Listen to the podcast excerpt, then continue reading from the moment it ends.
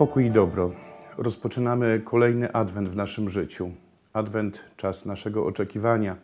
I w pierwszej myśli kojarzymy od razu to oczekiwanie ze świętami Bożego Narodzenia.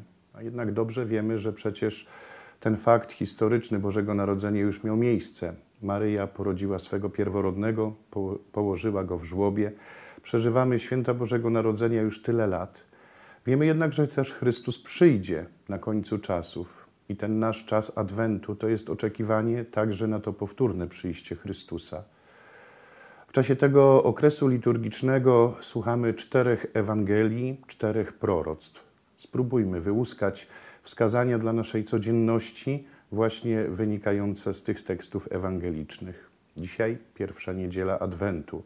Słyszymy zapowiedzi pełne grozy, pełne strasznych rzeczy dotyczące samego przyjścia Mesjasza. A przecież Chrystus nie chce lęku.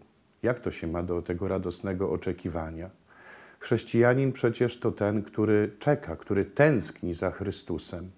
Dlatego to wezwanie Jezusowe: nabierzcie ducha, podnieście głowy, bo zbliża się wasze odkupienie. A konkretne wskazania na dziś, na tę pierwszą niedzielę Adwentu, myślę, że dwa. Niech serca wasze nie będą ociężałe i trwajcie w modlitwie i czuwaniu. Co takiego powoduje ociężałość naszego serca? Chyba dwie rzeczy.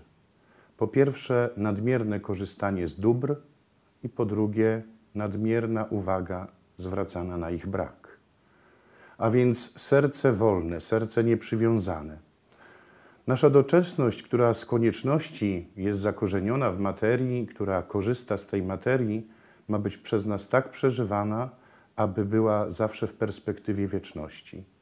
Dlatego realizując to czuwanie na modlitwie, spróbujmy w tym czasie Adwentu codziennie zastanowić się nad tym, jak sprawy, którymi żyłem dzisiaj, mają się do mojej wieczności.